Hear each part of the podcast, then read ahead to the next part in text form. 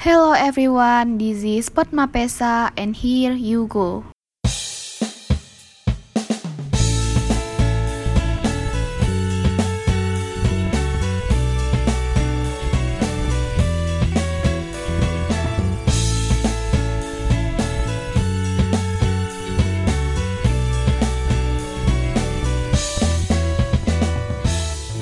Halo guys, balik lagi di Pot Mapesa episode 11 Bersama saya Khairatul Nadia dari program studi Manajemen Agribisnis Angkatan 56 Keterbatasan yang kita rasakan selama pandemi tentu mengharuskan kita untuk tetap produktif meskipun dari rumah.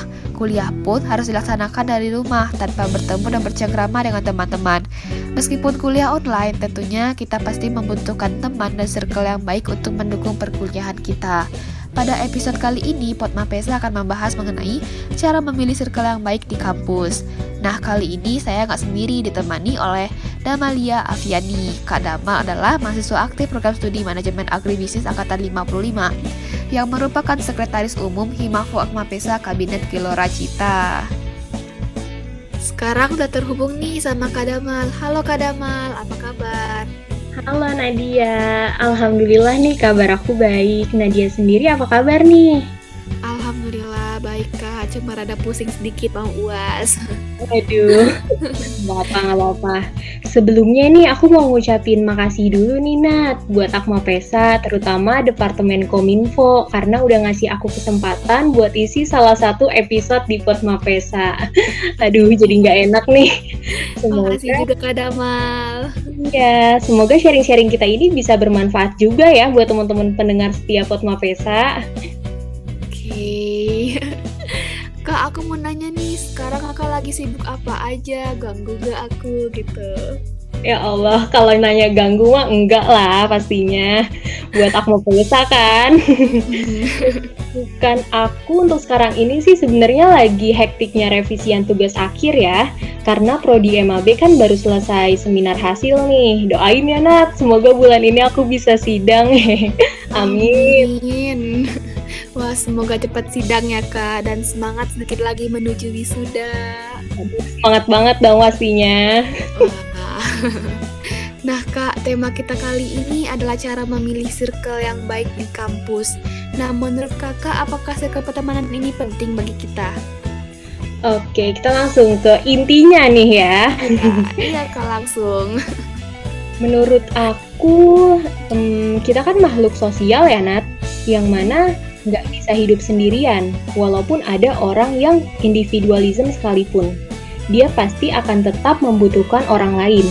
Jadi perlu banget yang namanya circle pertemanan. Apalagi kalau kita bahasnya itu adalah lingkungan perkuliahan. Yang mana lingkungan perkuliahan itu kenyataannya beda banget loh sama lingkungan sekolah. Cakupannya jauh lebih besar. Akan ketemu banyak banget orang-orang baru. Dan habitnya tuh akan beda. Di dunia perkuliahan tuh circle pertemanannya lebih ke teamwork dan sangat berpengaruh banget untuk kamu nantinya. Menurut aku gitu sih, Nat. Oh iya iya. Uh, circle pertemanan yang baik itu seperti apa sih, Kak? Oke, okay, kalau kita membahas soal circle pertemanan yang baik ya. Menurut aku, semua circle pertemanan itu baik sih, Nat, dengan catatan jika dinilai oleh orang yang tepat. Bener dong? Sama halnya kayak perempuan nih, Nat. Semua perempuan di muka bumi ini cantik, setuju nggak? Setuju dong, Kak. Ih, jika dipandang oleh mata yang tepat, iya kan? Iya, bener. Balik lagi nih, yang bisa menilai circle pertemanan itu baik atau enggak adalah diri kamu sendiri. Kita harus tahu dulu nih, sebenarnya di perkuliahan ini yang kita butuhin tuh apa sih? Yang sebenarnya kita cari yang kayak gimana? Nanti baru kita bisa menyesuaikan kira-kira circle mana yang cocok sama diri kita ini gitu. Kalau dari aku pribadi, circle yang baik adalah yang bisa bantu kita untuk grow up untuk lebih berkembang. Kita grow up bareng-bareng dengan cara kita. Satu catatan nih dari aku Nat, cari temen yang bisa dijadiin contoh. Punya lingkungan pertemanan yang suportif tuh sepenting itu menurut aku. awalnya kita negatif menjadi positif. Pada saat teman kita yang negatif, kita bisa mempositifkan dia. Jadi jangan mau satu arah doang. Kalau bisa dua arah. Itu seru banget sih, Nat. Pahalanya juga pasti ngalir kan? Ya. Terus Kak, uh, apa satu circle pertemanan itu sangat berpengaruh terhadap kita? Nah, bagus nih pertanyaannya. Aku juga pernah baca nih di salah satu jurnal. Menurut jurnal yang pernah aku baca, Nat, hampir 86% kepribadian kita itu dipengaruhi oleh lingkungan pertemanan. Wah, banyak banget ya, 86% loh. Banyak ya. Gak bisa dipungkiri, mahasiswa di sekolah vokasi IPB khususnya, itu kan range umurnya 19 sampai 23 lah ya, Nat. Yang mana, yang mana mengalami transformasi dari remaja menuju dewasa, ya nggak sih? Iya, masih gelut sama rasa labilnya, masih suka ikut-ikutan teman, dan masih sangat rentan untuk dipengaruhi oleh lingkungan sekitarnya. Kamu juga, Nat, kamu ngerasa gitu nggak sih awal-awal jadi mahasiswa? Iya ngerasa banget kak, apalagi aku mahasiswa rantau ya kak. Nah sangat kerasa banget itu perbedaannya cara bertemannya dan lingkungan sekitarnya gitu. Nah iya, jadi kita harus menyesuaikan diri juga kan Nat? Iya bener kak harus menyesuaikan banget kak gitu beda, beda banget gitu jalurnya. Iya mau nggak mau sih kalau misalkan anak rantau tuh harus bisa lah menyesuaikan diri gitu. Mm-hmm. Ini subjektif dari diri aku ya. Mm-hmm. Kita harus tetap berdiri pada prinsip kita Nat dan mereka akan gugur dengan sendirinya karena dalam circle pertemanan tuh pasti ada yang namanya seleksi alam dan ini udah aku rasain sendiri. Ya Allah, pokoknya ini relate banget deh sama kehidupan aku selama di kampus gitu.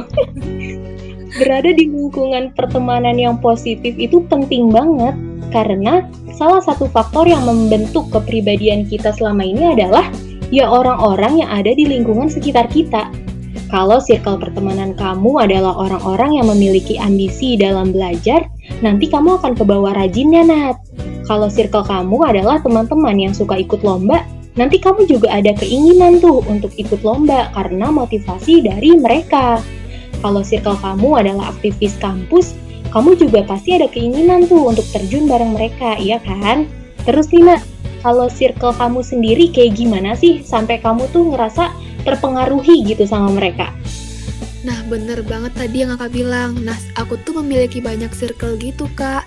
Yang paling kerasa itu circle yang aktivis sih kak sampai aku ke bawah-bawah hingga suka ikut kepanitiaan gitu dan aku tuh ngerasa juga aku banget itu kak kuliah rapat kuliah rapat gitu. orang lain kan kayak mager gitu ya pulang kuliah harus rapat gitu tapi karena si circle ini aku merasa ini loh jiwa aku sebenarnya gitu iya jadi kita gitu sih ya kan iya ya pokoknya seru lah lingkungan perkuliahan tuh circle pertemanan di kalangan mahasiswa tuh banyak banget ya Nat macemnya. Tinggal diri kamu fokusin nih sama kebutuhan kamu aja, karena itu sangat berpengaruh banget buat kamu ke depannya. Kalau menurut aku sih gitu Nat. Terus Kak, bagaimana kalau kita masuk ke dalam pertemanan yang toksik? Sudah cukup lama nih di perkuliahan ini namun baru menyadarinya gitu Kak. Kita harus keluar atau tetap stay dengan uh, toksik itu? Nah, menurut kakak nih uh, kita harus gimana? Waduh, bahasannya tuh udah mulai mendalam ya, bahasnya udah mulai toksik nih. Iya, toksik nih kak. Gimana nih Nat? Emang Nadia lagi terjebak di pertemanan yang toksik atau ada temennya yang kejebak terus kamu mau nolongin gitu? Apa gimana nih? Nah, aku tuh alhamdulillah belum menemukan teman yang toksik sih kak. Tapi aku sering dengerin curhatan teman gitu tentang temannya yang toksik. Mau bantuin tapi juga bingung gitu ambil langkahnya gimana gitu kak. Nah, gimana nih kak? Oke oke. Semangat Nat. Sebenarnya ya, dalam pertemanan itu kita harus menerapkan yang namanya simbiosis mutualisme. Logikanya gini Nat, ini konteksnya teman dekat ya. Iya. Saat kita berteman sama seseorang, kalau orang ini nggak bisa kasih benefit ke kita, dan kita juga nggak bisa kasih benefit ke dia, mungkin ya emang nggak jodoh, gitu nggak sih?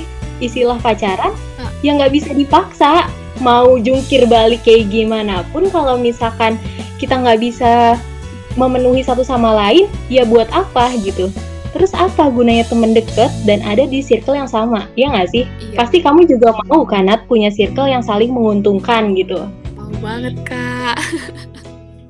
karena itu berpengaruh banget di hidup kita apalagi kamu anak rantau kan Iya.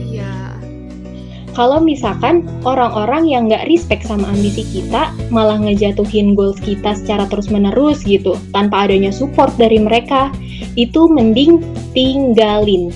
Karena yang tahu kapasitas kita ya diri kita sendiri. Karena tuh mereka tuh nggak tahu gitu sama kapasitas yang ada di diri kita. Mungkin kedengerannya kok aku bisa ngomong segampang itu padahal buat ngelakuinnya tuh nggak segampang itu loh. Aku bisa ngomong kayak gini karena aku pernah ada di posisi itu, Nat. Sedih banget kakak. aku sedikit cerita masa lalu aku nggak apa-apa ya, Nat, di pot Mapesa ini. Gak apa-apa kak cerita aja gitu. Oke, oke. Jadi aku pernah ada di posisi itu, di mana aku kejebak di circle pertemanan yang nggak sehat. Aku mikir, kok aku harus selalu nurutin omongan teman-teman aku ya? Kok aku, kalau aku nggak nurutin kemauan mereka tuh, mereka malah ngucilin aku gitu. Di saat aku punya ambisi untuk grow up, kok teman-teman aku bukannya support aku malah underestimate. Dari situ aku mikir, Nat, kok di circle ini ruangan gerak aku tuh kecil banget ya? Padahal circle pertemanan itu sangat berpengaruh untuk kita maju dan berkembang loh, apalagi di dunia perkuliahan. Dan kita sebagai mahasiswa tuh punya banyak banget opsi-opsi. Tinggal kita kaji nih manrisnya dari tiap opsi tersebut dan kita lakuin. Menurut aku nih Nat, dalam konflik toxic relationship yang menjadi highlight dan bernilai mahal itu ada dua. Menyadari dan memutuskan. Kenapa aku bisa bilang mahal? Karena ada orang yang menyadari itu toksik, tapi dia nggak menyadari keduanya. Tapi yang menyadari dia adalah teman di luar circle tersebut. Coba deh, temen kamu kira-kira yang mana tuh? Dia sadar nggak kalau dia itu ada di lingkungan yang toksik? Apa kamu yang nyadarin nih, Nat? Jadi kalau kalian ada di posisi itu, kalian insert of yourself. Bisa bikin decision untuk diri kalian sendiri. Dan saat itu, ya make good decision lah. Saat mau keluar dari lingkungan pertemanan yang toksik, kalau kalian udah terjun terlalu dalam, muter baliknya emang susah. Feeling alone-nya juga pasti ada. You just as good as the people that you strength, you self-grow. Kalau kamu punya ambisi yang tinggi, tapi lingkungan kamu malah menjatuhkan kamu, kamu pasti tahu opsi terbaik yang harus kamu lakuin itu apa.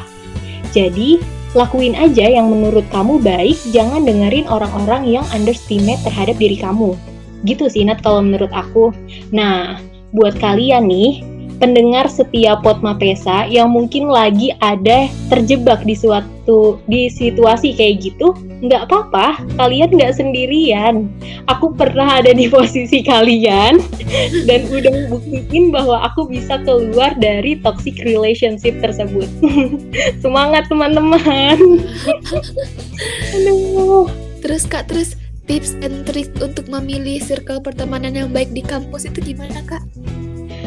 Oke, tips and trick memilih circle pertemanan yang baik di kampus. Kita harus bisa menemukan yang namanya jiwa passion dan juga tujuan dalam diri kita dulu nih Nat. Sebelum kita terjun, kita harus tahu dulu apa yang sebenarnya kita butuhin. Apa yang sebenarnya kita cari dan apa sih yang sebenarnya kita mau kayak gitu. Nanti kalau semua itu udah terjawab, baru deh kita bisa tahu opsi mana yang kita pilih. Kita harus terjun ke circle yang mana, dan kita juga bisa tahu mana nih circle yang sekiranya bisa bikin kita nyaman dan bisa bikin kita grow up kayak gitu. Kalau semisal kamu adalah orang yang suka hangout, ya udah kamu cari circle yang suka hangout juga. Nggak mungkin banget kan Nat kalau misalkan orang yang suka hangout tapi malah milih circle-nya mahasiswa kupu-kupu yang kuliah langsung pulang. Itu kan malah aneh gitu loh. Kalau misalkan Nadia nih, Nadia suka berorganisasi. Ya Nadia mendekatkan diri dengan orang yang aktivis organisasi. Kayak gitu kan pasti? Iya pasti ya. Kalau kamu orangnya suka punya jiwa entrepreneur ataupun ambisi untuk mengikuti ajang perlombaan, ya udah cari orang yang memiliki uh, yang suka hal tersebut kayak gitu. Malahan nanti kan kalian bisa jadi partner, saling melengkapi gitu kan.